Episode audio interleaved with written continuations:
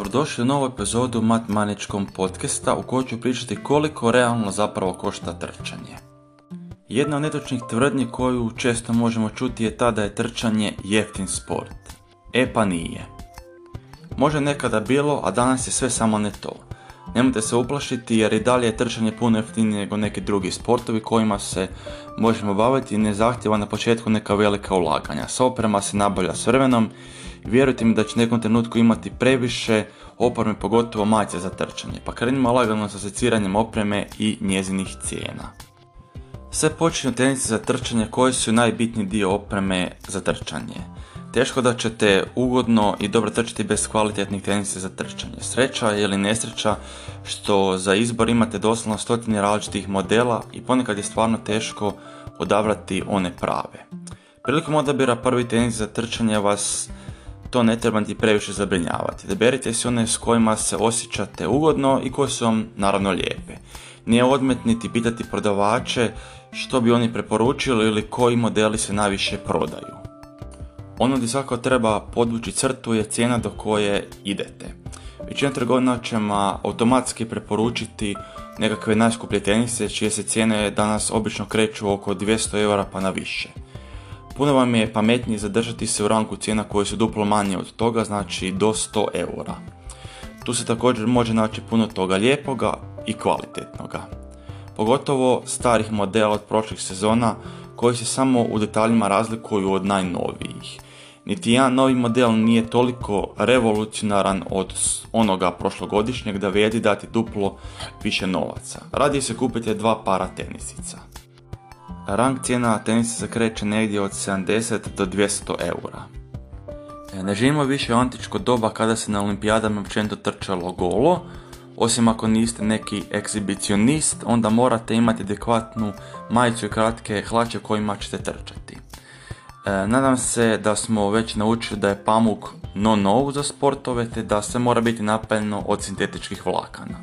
Ono što većina voli napraviti je da nabavi opremu velikih brandova jer Naravno, ako ti na prsima nije neka veliki logo, jednostavno nisi in i zapravo nisi trkač. Majice kratke hlače velikih brendova imaju dosta visoku cijenu koja se kreće oko 70 eura za prvu cijenu. Sad koliko je pametno dati toliko novaca kratku majicu prosudite sami. Za razliku od njih lanci robe poput HM-a imaju u svome asortimanu sportske linije vrlo kvalitetne opreme po pristupačnim cijenama tako trebate izdvojiti negdje oko 10 eura za majicu i oko 15 eura za kratke hlače, što su sasvim realne cijene. Slično i sa opremom koja se može pronaći u lancima trgovina proput Lidla, gdje svakih par tjedana u ponudu dolazi oprema za sport. Ta roba nije po ničemu lošija i zapravo je najbolji omjer e, cijene i kvalitete. Ono što sam već e, spomenuo na početku je to da će većina ljudi koji ide redovito na utrke u nekom trenutku imati previše majica za trčanje. Razlog je taj što za većini utrka u statnom paketu dolazi majica za trčanje. Tako računajte ako idete godišnje na 10 utrka imat ćete 10 različitih majica za trčanje. Rang cijena, znači negdje majica i hlač hlača trčanje se kreće između 10 i 70 eura. Trčanje bez e, dobrog bez lejera ili u prevodu naših dobrih podgača, podmajca, tajica, sportskog grudnjaka jednostavno ne ide.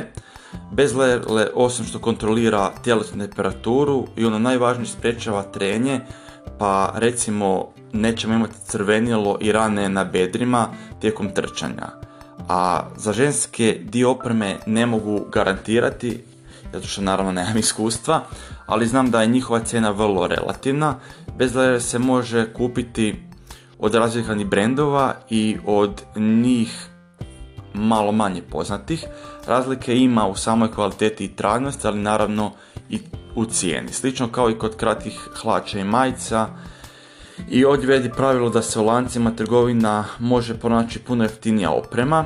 Rang cijena bez lejera kreće se negdje oko 10 eura pa sve do 150 recimo za ženske tajice kategoriju dodataka spadaju recimo razne kape, buffovi, čarape, znojnici i svi oni mali dodaci koji vam zapravo ne trebaju, ali uvijek dobro dođu tijekom trčanja. Njihove cijene variraju, ali u pravilu svi su ovi dodaci dosta jeftini. Ipak treba tu staviti naglasak na čarape za trčanje. One moraju biti baš prilagođene za trčanje, općenito je dobro da se u njih uloži malo ili znači da se kupe baš adekvatne čarape jer će one speći nastavak žuljeva. E, Brand koji ja preferiram, i koji mi se pokazao kao najbolji omjer cijene i kvalitete su e, dogmice, njih se, znači one se proizvode kod nas u Samoboru. Rang znači nekih dodataka ide od 6 pa do 20 eura. Moram naravno spomenuti trošak e, startnina, odnosno trošak odlaska na utrku. Niti to nije zanemarivo, pogotovo ako mjesečno idemo na par utrka, pa se to itekako može osjetiti. Cijene startnina nisu standardizirane, tako da i one uvijek variraju od tipu utrke.